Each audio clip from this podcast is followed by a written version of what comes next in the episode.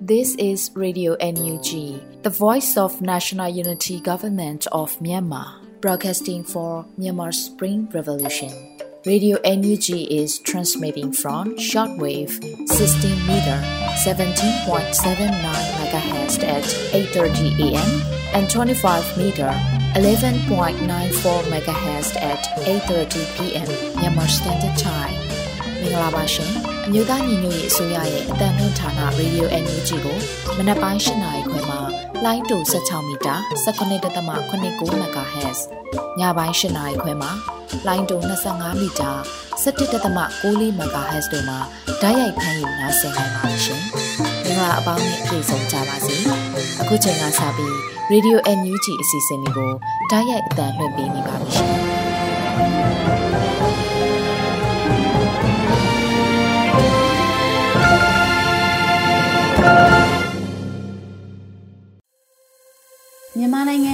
သူနိုင်ငံသားအပေါင်းတဘာဝပြီးစစ်အာဏာရှင်ဘေးတို့ကနေကင်းဝေးပြီးဘေးကင်းလုံခြုံကျန်းမာကြပါစေလို့ရေဒီယို UNG အဖွဲ့သားများကဆုတောင်းမေတ္တာပို့သလိုက်ရပါတယ်ရှင်။ပထမဆုံးအနေနဲ့ကာကွယ်ရေးဝန်ကြီးဌာနရဲ့စီရေးတရင်အကျဉ်းချုပ်ကိုຫນွေဦးအလင်ကမှတင်ပြပေးမှာဖြစ်ပါတယ်ရှင်။ကာကွယ်ဝင်ကြီးဌာနအမျိုးသားညီညွတ်ရေးဆိုရမှာ အောက်တိုဘာလ16ရက်နေ့2022ခုနှစ်ထုတ်ဝေတဲ့စီရေးသတင်းကျဉ်းချုပ်ကိုတင်ဆက်ပေးတော့မှာဖြစ်ပါတယ်။စစ်ကောင်စီတပ်သား32ဦးသေဆုံးပြီးဒဏ်ရာရရှိသူအရေအတွက်ကိုစုံစမ်းနေဆဲဖြစ်ကြောင်းသတင်းရရှိပါရခင်ဗျာ။စစ်ကောင်စီနဲ့တိုက်ပွဲဖြစ်ပွားမှုသတင်းတွေကိုတင်ဆက်ပေးကြပါမယ်။ချင်းပြည်နယ်မှာအောက်တိုဘာလ16ရက်နေ့ကကမ်ပက်လက်မြို့နယ်သို့အင်အားဖြည့်တင်းရန်လာတဲ့စစ်ကောင်စီပို့ဆောင်ရေးရဲရင်နှစီကို CDF ကမ်ပလက်တပ်သားများကအမြင့်တနေရာမှာလက်နက်ငယ်များနဲ့စောင်းကြိုတိုက်ခိုက်ခဲ့ရာရဟတ်ရင်ဒဇင်းစီတန်ကီပောက်သွားတဲ့အပြင်ပန်ကာတချောင်းကျိုးသွားပြီးထိခိုက်ဒဏ်ရာရှိမှုခြေအနေကိုစုံစမ်းစစ်ဆေးနေဆဲဖြစ်ကြောင်းသတင်းရရှိပါရခင်ဗျာမွန်ပြည်နယ်မှာအောက်တိုဘာလ15ရက်နေ့နေ့လယ်3:30မိနစ်ချိန်ခန့်ကဘီလင်းမြို့နယ်ဘီလင်းမြို့တောက်ရက်ကျွာနီမှာကြိုက်ထုံမှတထုံတို့မောင်းနှင်လာတဲ့14စီးပါစစ်ကောင်စီရင်နှန်းကို KNL ပူးပေါင်းဖွဲ့ကမိုင်းဆွဲတိုက်ခိုက်ခဲ့ရာဆယ်ဦးထက်မနည်းသေဆုံးခဲ့ကြောင်းသတင်းရရှိပါရခင်ဗျာစကိုင်းတိုင်းမှာအော်တိုဘာလ15ရက်နေ့နေ့လယ်3နာရီခန့်ကမုံရွာမြို့နယ်တောပူကျေးရွာမှာထွက်လာတဲ့စစ်ကောင်စီတံပြားကာကားနှစ်စီးကို Golden Eagle Force မုံရွာ Spring Dove မုံရွာ The Boy Farmers Revolution Force FRF UG တရင်ကိုမှမိုင်းဆွဲတိုက်ခိုက်ခဲ့ရာစီကံပေါက်ခဲ့ပြီးစီယိုကြခဲ့ကစစ်ကောင်စီတပ်သားများဒဏ်ရာရရှိခဲ့ကြောင်းသတင်းရရှိပါရခင်ဗျာ အော်တိုဘာလ15ရက်နေ့ည9:00နာရီခန့်ကဘူးတလင်မြို့နယ်ရဲစခန်းကိုဒေသခံကာကွယ်ရေးအဖွဲ့များကမိနစ်20နီးပါးတွားရောက်တိုက်ခိုက်ခဲ့ရာစစ်ကောင်စီတပ်သားများအထိအခိုက်သေဆုံးများခဲ့ပြီး LPDF မှရဲဘော်တအူလက်နက်ကြီးထိမှန်၍ကြာဆုံးခဲ့ကြောင်းသတင်းရရှိပါရခင်ဗျာအောက်တိုဘာလ15ရက်နေ့မနက်7:00နာရီခန့်ကမုံရွာမြို့နယ်မင်းတောင်စိတ်ကမ်းမှာထွက်လာတဲ့စစ်ကောင်စီတင်မော၃စီးကိုဗန်ဒုနဲ့အဖွဲ့သားများ PDF တက်ခွဲတီ KUG တက်ခွဲ Farmers Revolution Force တီမုံရွာ KI တရင်ရှိမုံရွာ KI တရင်ကိုနဲ့မုံရွာ KI တရင်30တို့မှာနှစ်နေရာခွဲ၍မိုင်းဆွဲတိုက်ခိုက်ခဲ့ကြောင်းသတင်းရရှိပါတယ်ခင်ဗျာ။ မန္တလေးတိုင်းမှာအော်တိုဘားလ16ရက်နေ့မနက်7:15မိနစ်အချိန်ခန့်ကပျော်ပွဲမြို့နယ်မြောက်ဘက်ရှိစစ်စေးရေးဂိတ်အားတာစီမြို့နယ်ပကဖာနဲ့ပျော်ပွဲမြို့နယ်တော်လှန်ရေးအင်အားစုတိုက်တောင်း PDF တို့ပူးပေါင်း၍ဘုံခွဲတိုက်ခိုက်ခဲ့ရာစစ်ကောင်စီတပ်သားတအူးသေဆုံးသွားခဲ့ကြောင်းသတင်းရရှိပါရခင်ဗျာအောက်တိုဘားလ15ရက်နေ့ညနေ9:30မိနစ်အချိန်ခန့်ကချမ်းမြသာစီမြို့နယ်မဟာမုနိဖျားကြီးနီ 86လမ်း48လမ်းနဲ့48လမ်းကြားရှိမိုင်းတဲတာဝါတိုင်းအားဘန်ကာကာ၍စောင့်ပေးနေရတဲ့စစ်ကောင်စီများအားမန္တလေး UG Wolf Army နဲ့မန္တလေး Rangers တို့မှပူးပေါင်းကလက်ပစ်ပုံးနဲ့တိုက်ခိုက်ခဲ့တဲ့အတွက်ကြောင့်ဘန်ကာတက်တဲ့ကြားရောက်ခဲ့ကြောင်းသတင်းရရှိပါရခင်ဗျာတနင်္လာရီတိုင်းမှာအော်တိုဘာလ16ရက်နေ့မနက်7:00နာရီခန့်ကပလောမြို့နယ်ပလာမြို့ရှိအထွေထွေအုပ်ချုပ်ရေးဦးစီးဌာနရုံးကို တောကြီးမွေဟောက်တပ်ဖွဲ့ကင်းကော်ဘရာရဲဘော်များမှဘုံခွဲတိုက်ခိုက်ခဲ့ရာရုံးနေရှိစစ်ကောင်စီတပ်သားများထိခိုက်ဒေဆုံးနိုင်ကြောင်းသတင်းရရှိပါရခင်ဗျာအောက်တိုဘာလ15ရက်နေ့ညနေ4:00နာရီခန့်က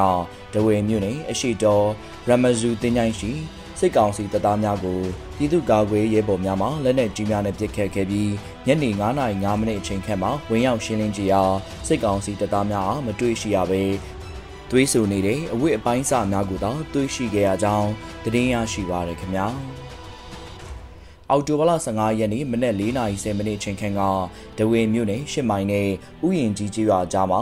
တရားငယ်ပေါ်မှာစစ်ကောင်စီတပ်ရင်အားများစွာပါလာတဲ့ခြေလင်းစစ်ကြောင်းကိုဒဝေမြို့နယ်ပကဖ DDT ရဲဘော်များကအလစ်တိုက်ခိုက်ခဲ့ရာစစ်ကောင်စီတပ်သား9ဦးသေဆုံးခဲ့ပြီးအများအပြားတရားရရှိခဲ့က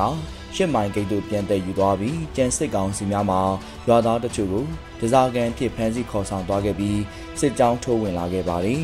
။ထိုဥယျင်ကြီးအညာဖျားဓာသွေးကြောက်ရွာများကိုစစ်ကောင်စီတပ်သားများဝင်ရောက်ပြီးပြည်သူပိုင်နေများရှိတံမိုးကြီးပစ္စည်းများကိုခိုးယူသွားခဲ့ပြီးလက်နက်ကြီးလက်နက်ငယ်တို့နဲ့ရန်တမ်းပစ်ခတ်ခဲ့၍ပြန်လည်ထွက်ခွာသွားခဲ့ကြောင်းသတင်းရရှိပါရခင်ဗျာ အော်တိုဘာလ15ရက်နေ့ကတဝယ်မြို့နယ်တဝယ်မှာထီခီတို့ဦးတည်လာတဲ့စစ်ကောင်စီရင်ခွန်းစီပါကားတန်အားရွှေချောင်းမှာကော်ထူးလေးအာမီတက်ခွဲ3တဝယ်ရှိတော်ပကဖ DFPDF တမ်မဏိပျောက်ကြားတပ်ဖွဲ့နဘယံတဝဲပကဖ DGRF တဝဲခရိုင်တက်မတော် T1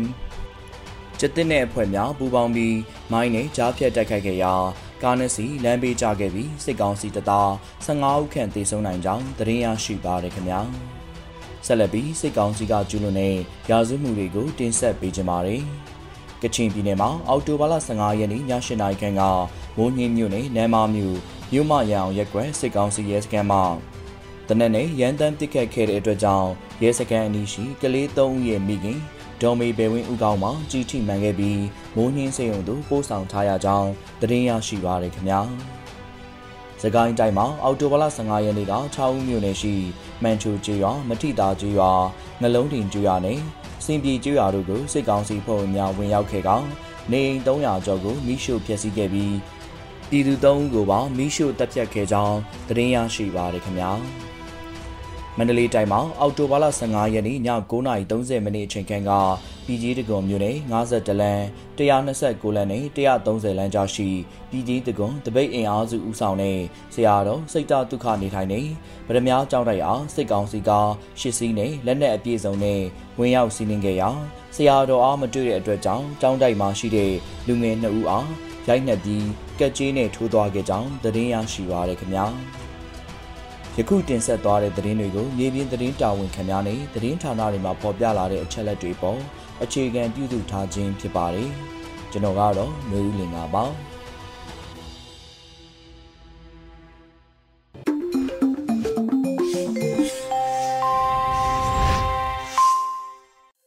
ဆက်လက်ပြီး Radio UNG ရဲ့နောက်ဆုံးရသတင်းများကိုຫນွေဦးမွန်မှဖက်ကြားတင်ပြပေးပါမယ်ရှင်။ မင်္ဂလာပါရှင်ပြည်ရင်းသတင်းများကိုတင်ပြပေးသွားမှာပဲဖြစ်ပါတယ်ကျမကတော့ຫນွေဦးမော်ပါမြို့သားညီညွတ်ရေးအစိုးရဂျာကာလဒေသန္တရပြည်သူ့အုပ်ချုပ်ရေးဖော်ဆောင်မှုဗဟိုကော်မတီနဲ့အထူးအုပ်ချုပ်ရေးဒေသပြည်သူ့အုပ်ချုပ်ရေးအဖွဲ့များတွဲဆုံဆွေးနွေးတဲ့သတင်းကိုဥစွာတင်ပြပေးပါမယ်မြို့သားညီညွတ်ရေးအစိုးရဂျာကာလဒေသန္တရပြည်သူ့အုပ်ချုပ်ရေးဖော်ဆောင်မှုဗဟိုကော်မတီနဲ့ထူးအုပ်ချုပ်ရေးဒေသပြည်သူ့အုပ်ချုပ်ရေးအဖွဲ့များတွဲဆုံဆွေးနွေးခဲ့ကြပါတယ်။ အော်တိုဘာ16ရက်မြို့သားညီညွတ်ရေးအစိုးရဂျာကာလာဒေသနာပြည်သူ့အုပ်ချုပ်ရေးဖော်ဆောင်မှုဗဟိုကော်မတီနဲ့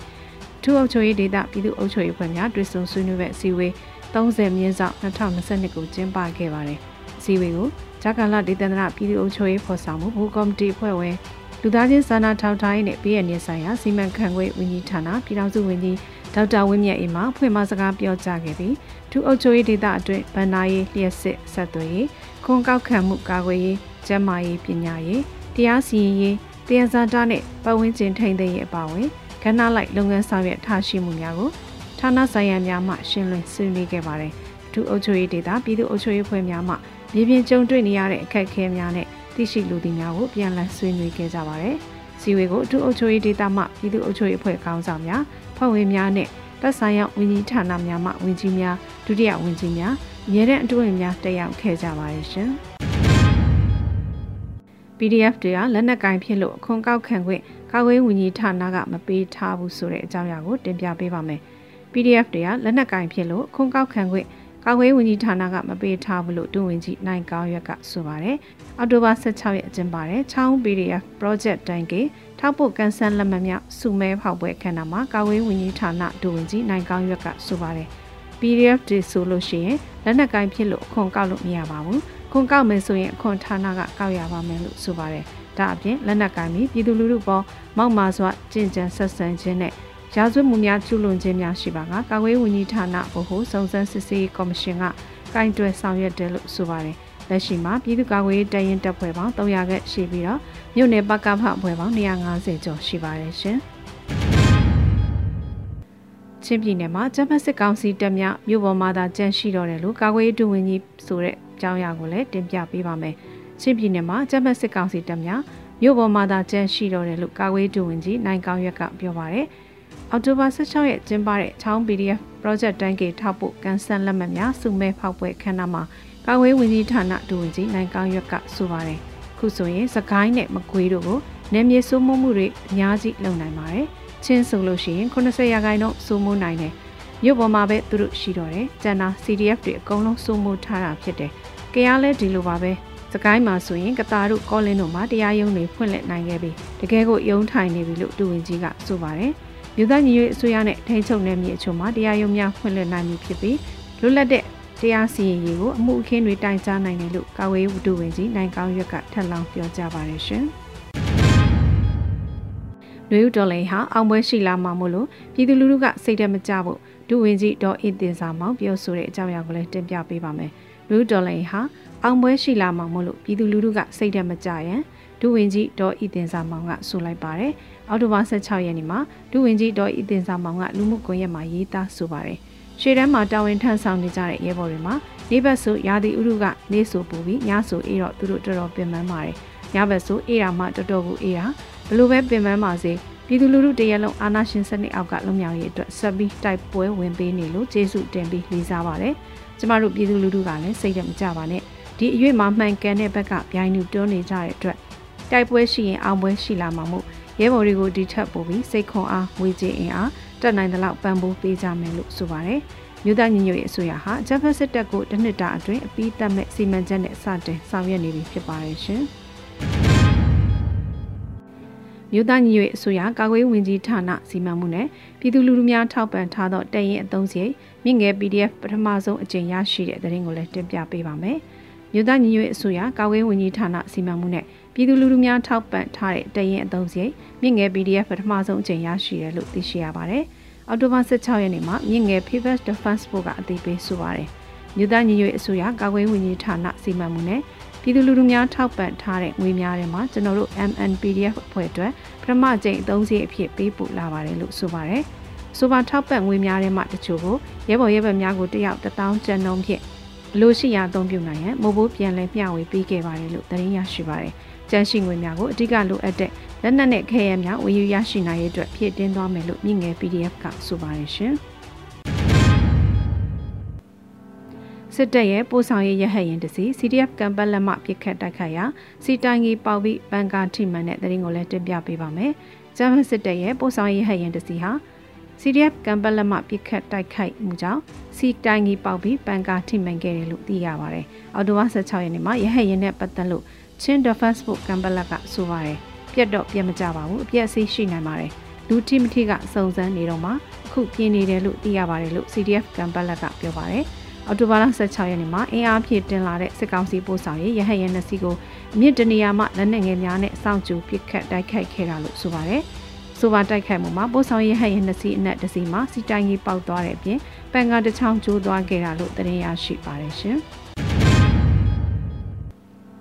စကိုင်း local PDF နဲ့တကွာ ပကပအဖွဲ့ညီနောင်များထံသို့ SKS Semi Auto မောင်းပြန်တဲ့နှများကိုဇက်သရီစေးချိန်လုံးညီနောင်များအဖွဲ့ကဖြန့်ဝေတဲ့တဲ့ရင်ကိုလည်းတင်ပြပေးပါမယ်။စကိုင်း local PDF နဲ့တကွပကပအဖွဲ့ညီနောင်များထံသို့ SKS Semi Auto မောင်းပြန်လက်နှများကိုဇက်သရီစေးချိန်လုံးညီနောင်များအဖွဲ့ကဖြန့်ဝေခဲ့ပါတယ်။အော်တိုဘာ16ရက်မှာဇက်သရီစေးချိန်လုံးညီနောင်များကအသေးပေးဆိုပါတယ်။ဇက်သရီစေးချိန်လုံးညီနောင်များလဲရမအကြိမ်ကြိမ်ပြန်ထပြီးစူးစမ်းမှုအဖြစ် စကိုင်း local PDF နဲ့တကွာပကဖအဖွဲ့ညီနောင်များထံသို့ SKL စီမီယိုတူမောင်ပြန်စုစုပေါင်း၈ချောင်းကိုညီနောင်များစီရောက်ညာတွင်ချင်းပံ့ပိုးလှူဒန်းပေးနိုင်ခဲ့ပါတယ်လို့ဆိုပါတယ်။နောက်လာများမှာမန္တလေးတိုင်းနဲ့မကွေးတိုင်းညီနောင်များရှိရာစီတို့ဆက်လက်ပံ့ပိုးလှူဒန်းနိုင်အောင်ကြိုးစားသွားမယ်လို့ဆိုပါတယ်ရှင်။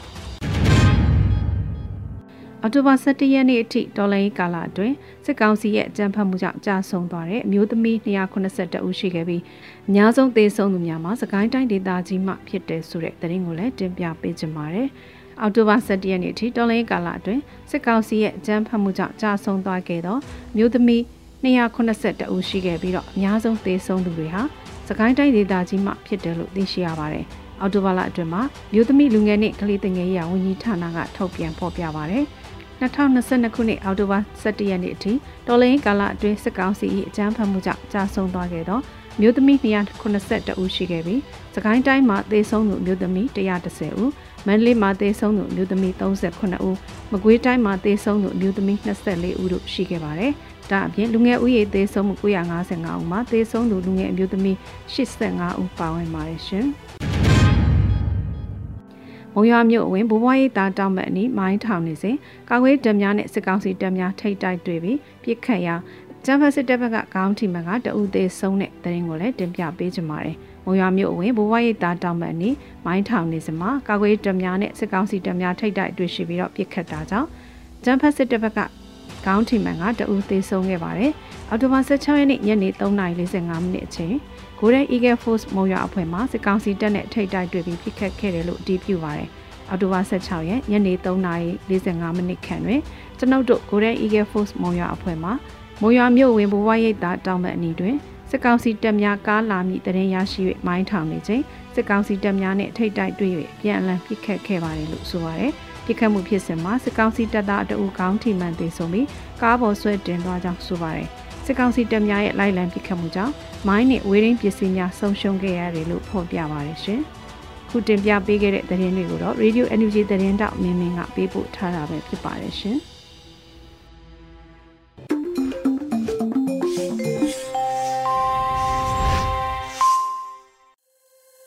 Radio UNG မှဆက်လက်အသံလွှင့်နေပါတယ်။အခုဆက်လက်ပြီးညာနာရည်သားထားတဲ့ မမခင်စကိုင်းတိုင်းရောက်ဖူးလားလို့အမည်ရှိတဲ့ကြပြားကို အောင်လုံးမှခန်းစားတင်ဆက်ပေးမှာဖြစ်ပါရဲ့ရှင်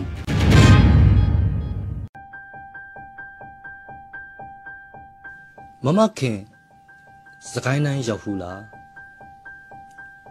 မမခင်ကြားဘူးလားအတော်မသက်ပြောစမဲ့တွင်ကြတယ်စစ်ခွေးတင်းချိုင်းစကိုင်းတိုင်းတဲ့ရာဇဝင်ကိုမြေလံကြည့်ရင် စကိုင်းတိုင်းဟာတမိုင်းမယန်းခဲ့ပါဘူးငါးမြင်းဆောင်သွေးတွေနီးတယ်ချင်းတွင်းမြေကြည်တယ်မိုင်းခွဲတံပြင်းပြင်းမြည်တယ်ဒါစကိုင်းတိုင်းပဲမမခင်ကုန်းမောင်မင်းဆက်တဆက်ပေါ်ထွန်းခဲ့ရတမိုင်းနဲ့အစင်းလားဇေယျတခွင်မှာတာသနာရောင်ဝါနေလိုလင်းခဲ့ရွှေကျင်သာသနာမဟာစီရိတ်တာ လေဒီဆရာတော်ပရိယတိတိပိနဲ့ဘိဝန္ဒအများဆုံးထွက်ခဲ့တဲ့တိုင်းဇေယပေါ့မမခင်မွန်ញင်တန်ဗုဒ္ဓေမဟာဘောဓိတထောင်ကြောက်ကရွှေကူနီတကိုးကြီးဖျားတွေရှိတဲ့စကိုင်းတိုင်းမှာအညိုးလဲကြီးခဲ့တယ်မမခင်စစ်တလင်းတမတ်စီမံချက်နဲ့ရက်ဆက်သမျှကြီးစံတွေဟာမိုးတီးလို့ရွာချ ငါမြင်းဆောင်တွေရဲ့ဇာဒီလောက်နဲ့များတုံလှုပ်มาတဲ့လားသွေးနဲ့ရင်တော့ခွေးဆွဲခံရမှာပဲလူညီရင်အောင်မွဲဟာလက်တကမ်းမှာပါဒီကောင်းငင်ဒီရီမြေဟိုးမှာလှမ်းမြင်နေရတဲ့မိကိုတွေလပတောင်းတောင်ကြီးလဲငိုနေလားခွေးတွေဥလေးသွေးတွေစူလေးပဲမမခင် ဟောဟိုချင်းနိမစ်တီတလျှောက်ကန်းတစ်ဖက်ကရွာကလေးတွေအကုန်မီးလောင်မြင်လူအခွေမှန်သမျှအရာရာစိတ်သုံးဒီအမုန်းဟာကဘာမကြည့်ဘူးဝစ်လေအောင်စူမတောင်းပါနဲ့ဝစ်ကူလေအောင်လှဲ့ကြမယ်မမခင်အသက်တွေဘဝတွေနင်းချပြီးရယူခဲ့သမျှအာနာယူသူတွေပြန်ပေးဆက်ရမယ်ဝဲဆိုတဲ့ ဓမ္မဆက်ကိုတယောက်တစ်ဖက်ပြည်သူလက်နဲ့အမြန်လဲအောင်လှည့်ပေးနေကြတယ်ဇေယျရွှေမရဲ့ຫນွေဦးလေအယူမှာအသက်ကိုချွေခူးမဲ့ကြည်စံထိတ်ဖူးတွေကြားကျွန်တော်တို့မကြွေချင်းမမခင်ပြန်ဝေရအောင်မှာဖိနင်းငတ်တွေကတည်ပြီးရင်ပြန်လဲမွေးဖွားလာတဲ့ငှက်တစ်မျိုးတဲ့မမခင်ကိုယ်တိုင်လောင်ကျွမ်းခံပြီး ပြအဖြစ်ကနေနောက်တစ်ဖန်ပြန်မွေးဖွားလာကြတယ်ဘလောက်စွမ်းလဲဆိုရင်သူတို့ရဲ့မျက်ရည်ကသူတို့ရဲ့ဒဏ်ရာတွေကိုပြန်ကုပေးနိုင်လောက်တဲ့အထိပဲတဲ့ကျွန်တော်တို့လူငယ်တွေဟာဖိနစ်ငက်ကလေးတွေပေါ့မမခင်ကျွန်တော်တို့ရဲ့မျက်ရည်နဲ့အားလုံးရဲ့ဒဏ်ရာကိုပြန်ကုစားပေးနိုင်ခြင်းနဲ့ကျွန်တော်တို့တည်သွားခဲ့ရင်တော့ရှင်ပြန်ထမြောက်ခြင်းရဲ့ ဖိနစ်ငက်လို့မီလီယံတွေကအစ်စ်ဖန်ပြန်လည်မွေးဖွားခဲ့မှာမမခင်ယုံကြည်ကြည်နဲ့စောင့်နေပါဒီတော်လိုင်းကြီးပြီးတဲ့တနေ့တမိုင်းပြောင်မညို့တဲ့စကိုင်းတောင်ကျိုးမှာတစ္ဆာတွေဆိုကျင်သေးတယ်လွတ်လပ်ချင်းဆိုတဲ့ပန်းမှွင်ကလေးကိုမမခင်စံရွယ်ဦးမှာစင်မြန်းပေးဘူးခြင်းနဲ့နှလုံးခုန်တန် တစ်ချက်ခုန်တိုင်းမှာအရေးတော်ပုံအောင်ရမယ်အသက်ရှူတန်တစ်ချက်စီတိုင်းမှာအစုံးနဲ့တိုက်ပွဲကျွန်တော်တို့နှွဲဖို့ပဲရွှေပြည်တော်ဟာမျောတိုင်းမွေးတော့ဘူးဝမ်းနဲ့စရာသတင်းတွေဖတ်မိငိုပါနဲ့မမခင်ရင်ခုံမှာရှင်တန်မှာမျောလင့်မှာရောင်နီချင်းနစ်တဲ့မနှက်ဖန်တွေတိုင်းမှာမွေးတော့တဲ့ အနာဂတ်တစ်တွေရှိနေတယ်တပြေပင်လေးတွေစိုက်လို့ကြိုနေပေးပါ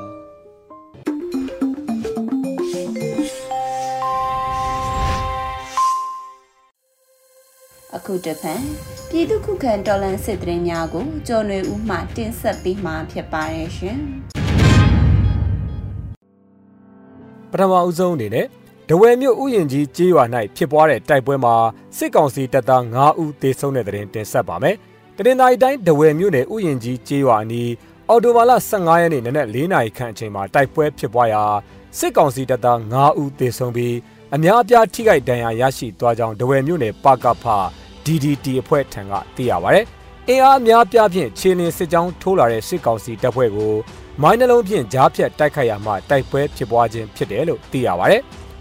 ခြေလင်းစစ်ကြောင်းထိုးလာတဲ့စစ်ကောင်စီတပ်ဖွဲ့ဟာဒဝယ်မြို့ရှစ်မိုင်ရွာနဲ့ဥယျာဉ်ကြီးရွာကြားရှိတရားငယ်အနီးမှာတိုက်ခိုက်ခံရခြင်းဖြစ်တယ်လို့ DDT အဖွဲ့ကတာဝန်ရှိသူတို့ကပြောပါတယ်။အဲ့ဒီလိုကြားဖြတ်တိုက်ခိုက်ခံရတဲ့အတွက်စစ်ကောင်စီတပ်စစ်ကြောင်းဟာရွာသားတချို့ကိုဒဇာကန်ဖြစ်ဖမ်းဆီးပြီးဥယျာဉ်ကြီးအညာဖျားနဲ့ဓာသွေးကြောက်ရွာတို့ကိုထပ်မံဝင်ရောက်လာက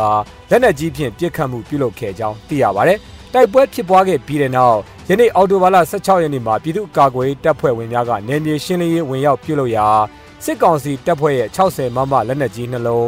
M16G 84တောင်းနဲ့ကြီးစံခွန်တို့ကိုတင်စီရမိခဲ့ကြောင်းသိရပါတယ်။ပျော်ပွေမျိုးစစ်စေးရေးဂိတ်ကိုဘုံဖြင့်ဖောက်ခွဲတိုက်ခိုက်မှုရဲတအူပွဲချင်းပြီးတေဆုံးတဲ့တဲ့ရင်ကိုဆက်လက်တင်ဆက်ပါမယ်။မန္တလေးတိုင်းပျော်ပွေမျိုးအထက်စစ်စေးရေးဂိတ်ကိုယနေ့အောက်တိုဘာ16ရက်နေ့နက်ပိုင်းဘုံခွဲတိုက်ခိုက်မှုတရက်ဖြစ်ပွားပြီး ရဲတအူတေဆုံးကြောင်းဒေသကာကွယ်တပ်နဲ့ဒေသခံများထံမှသိရပါဗျ။အော်တိုဘာလ16ရက်နေ့နနက်7:73မိနစ်အချိန်ပျော်ပွေမြို့နယ်မြောက်ဘက်အထက်စစ်စေးရေးဂိတ်ကိုပျော်ပွေနဲ့တာစီပြည်သူ့ကာကွယ်မဟာမိတ်တပ်ဖွဲ့များကပူးပေါင်းတိုက်ခိုက်ရာရဲတအူပွဲချင်းပြီးတေဆုံးသွားခြင်းဖြစ်တယ်လို့ပြည်သူ့ကာကွယ်တပ်ဖွဲ့မှတာဝန်ရှိသူတို့ကပြောပါဗျ။နောက်ဆုံးသတင်းတစ်ပုဒ်အနေနဲ့ကရင်ပြည်နယ်ကြာရင်စိတ်ကြီးဘက်ကသတင်းကိုတင်ဆက်ပါမယ်။ကရင်ပြည်နယ်ကြာရင်စိတ်ကြီးခလာရ32ထဲသို့ဒရုန်းဖြင့်ဘုံကျဲတိုက်ခိုက်ခဲ့တဲ့သတင်းမှာ ကြာရင်စိတ်ကြီးမြို့နယ်အခြေဆိုင်ခလာရ32တက်ထဲသို့ဒရုန်းများဖြင့်ယနေ့နေ့အစောပိုင်းမှာဘုံကျဲတိုက်ခိုက်ရာဗိုလ်တအုပ်နဲ့ဒုတက်ချက်ကျော်စွာမိုးတေဆုံးပြီးဗိုလ်ကင်းဆောက်အုံများပျက်စီးသွားကြောင်းတက်သတင်းရင်းမြစ်ကပြောပါရယ်အော်တိုဘာလ16ရက်နေ့နနက်တနာရီ42မိနစ်အချိန်နဂနီစစ်ကြောင်း KNL တပ်ဖွဲ့ဝင်များနဲ့ Federal Wings အဖွဲ့ပူးပေါင်း၍ကြာရင်စိတ်ကြီးမြို့နယ်ခလာရ32ထဲသို့ drone ဖြင့်81မမနဲ့60မမတို့ဖြင့်ဘုံကျဲတိုက်ခိုက်ရာတက်ရေးဗိုလ်ကြီးတအူ တက်ကြက်ကြီးတအူနဲ့တက်သားတအူထိခိုက်တေဆုံးကြောင်းငကနီစစ်ကြောင်းကသတင်းထုတ်ပြန်ပါတယ်စစ်သားများထိခိုက်တေဆုံးတဲ့အပြင်ဗဟိုကင်းအဆောက်အုံများပျက်စီးသွားပြီးယခုနှစ်နက်ပိုင်းအမြန်ပြင်ဆင်နေရကြောင်းစစ်တပ်သတင်းရင်းမြစ်စီကနေသိရှိရပါတယ်ခင်ဗျာ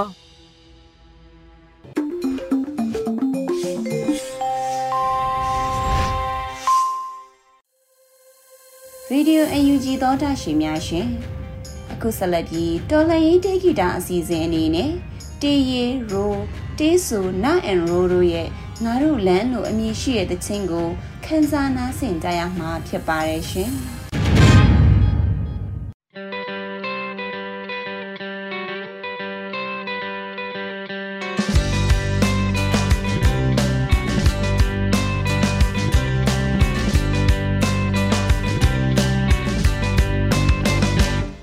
မနခင်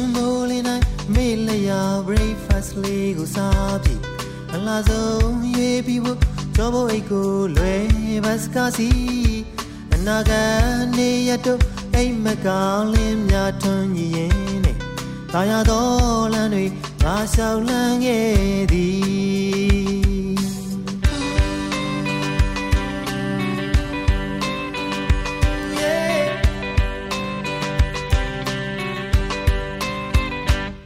ရေဒီယိုချင်းလေးဖွင့်ကြည့်တော့ပြင်းတကားကိုဖွင့်လျက်ညာစဉ်အိဆက်စိတ်စရာကန်တမဲလမ်းမပေါ်ဟိုဒီလျှောက်သွားရင်အမှန်ကန်ဆုံးလွတ်လပ်ဆုံးနဲ့အကောင်းဆုံးကိုစဉ်းစားရွေးချယ်ခဲ့ကြငါတို့ဆိုရကိုငါတို့ရွေးခဲ့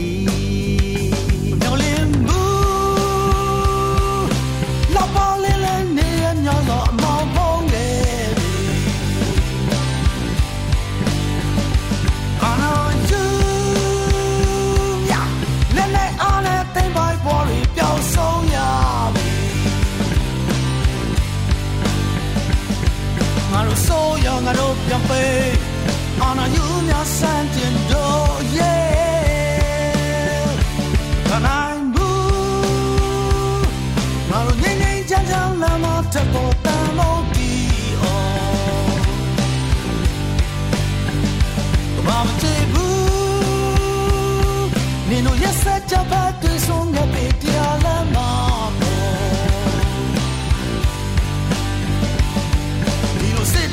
sita me playe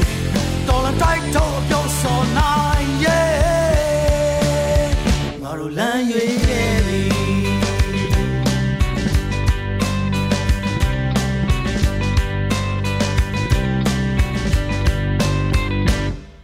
ငပီတောင်ရှူရှဲလက်ဖက်သမင်းချံကိုကောင်းဆုံးမနဲ့ဆာဆာပြီငါကျင်မောပန်းချန်တန်ခက်နေ့ရက်တွေရင်ဆိုင်ကြော်လွှားရင် ထိုင်မဆုံးစိတ်ဓာတ်နဲ့ရှစ်စမဲမေးရိတ်ကိုလွမ်းလေဒါနောက်ဆုံးဝဲအောင်မြင်အောင်နှွေးကြမ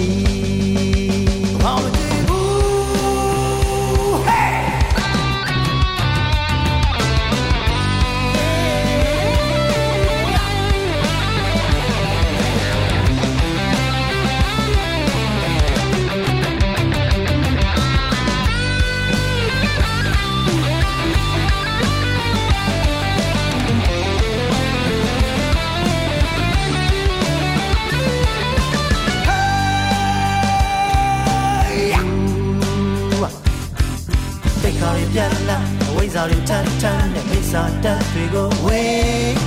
ဖြစ်ချင်တော့ဆိုရလုံနေတော့တကိုးတည်းမြဖြစ်ဆောင်မဲ့ခွေတွေမောင်းထိုးသွားဖို့ငါတို့လမ်းရွေးခဲ့ပြီပေါင်းစီအားနဲ့ငါတို့ရှိဆက်ကြမည်ပြောင်းလဲခြင်းများအတွက်တိုင်းရင်းသားများနဲ့တွေ့လက်တူတက်ပွဲဝင်ဝင်အောင်ပွဲစင်မခံနိုင်ဘူး ငါတို့ငိမ့်ငိမ့်ချမ်းချမ်းလမ်းမထပ်ပေါ်တမ်းမို့ဒီအော်ဆန္ဒပြကဘာမချေဘူးမင်းတို့ရ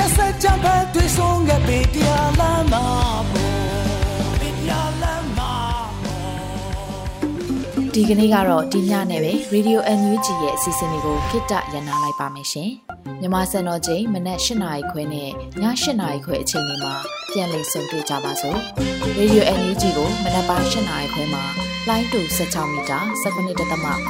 MHz ညပိုင်း၈နာရီခွဲမှာလိုင်းတူ25မီတာ17.6လေး MHz တို့မှာဓာတ်ရိုက်ဖမ်းယူနားဆင်နိုင်ပါပြီ။မြန်မာနိုင်ငံသူနိုင်ငံသား တွေကိုစိတ်နှပြကျန်းမာချမ်းသာလို့ဘေးကင်းလုံခြုံကြပါစေလို့ Radio NUG အဖွဲ့သူဖွဲ့သားတွေကဆုတောင်းမေတ္တာပို့တာလိုက်ရပါတယ်ရှင်။မြေသားညီမတွေအစိုးရရဲ့စက်သွေးရေးသတင်းအချက်အလက်တွေပညာဝန်ကြီးဌာနကထုတ်လွှင့်နေတဲ့ Radio NUG ဖြစ်ပါတယ်။ San Francisco Bay Area အခြေစိုက်မြန်မာမိသားစုတွေနဲ့နိုင်ငံတကာကစေတနာရှင်လို့အားပေးနေတဲ့ Radio NUG ဖြစ်ပါတယ်။အရေးတော်ပုံအောင်ရမည်